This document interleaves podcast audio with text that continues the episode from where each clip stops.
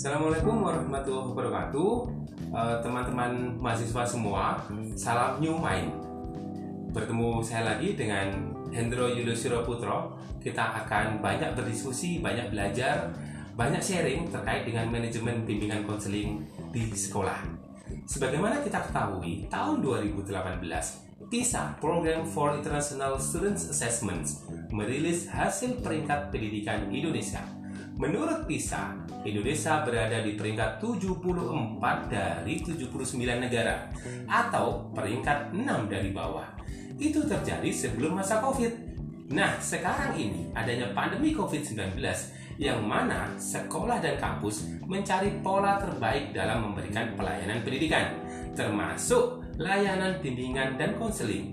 Mengingat bimbingan konseling berintegrasi dengan sistem atau manajemen pendidikan.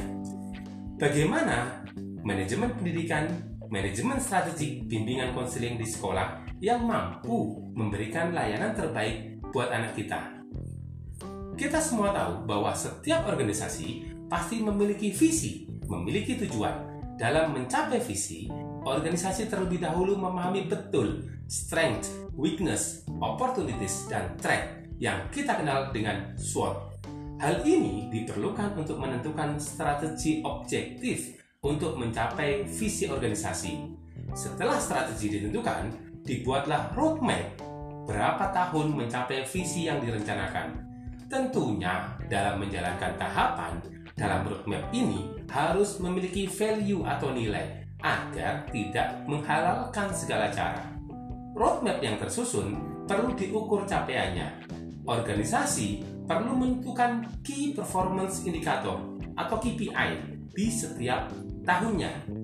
Semua tenaga pendidik dan kependidikan termasuk bimbingan konseling di dalamnya perlu memahami betul KPI masing-masing organisasi.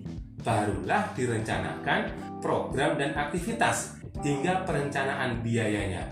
Sayangnya, banyak lembaga yang tidak memahami gambaran manajemen strategik di atas secara utuh, sehingga mereka asal jalan. Yang penting kelihatan baik. Program comot sana comot sini tanpa melalui analisa terlebih dahulu.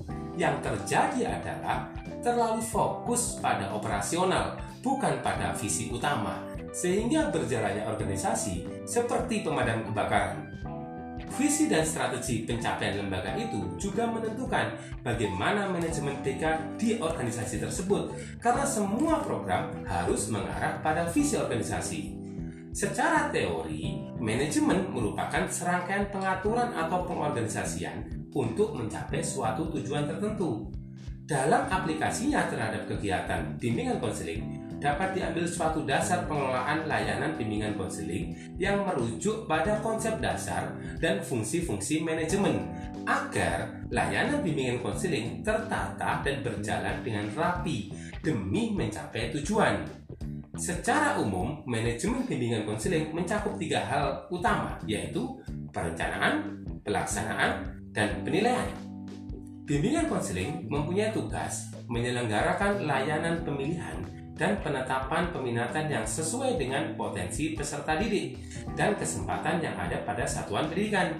Oleh karena itu, seluruh penyelenggaraan program dan layanan ini tidak terlepas dari analisa secara utuh, secara mendalam yang berkolaborasi dengan semua stakeholder, pimpinan sekolah, guru mata pelajaran, orang tua siswa, serta siswa atau serta masyarakat setempat.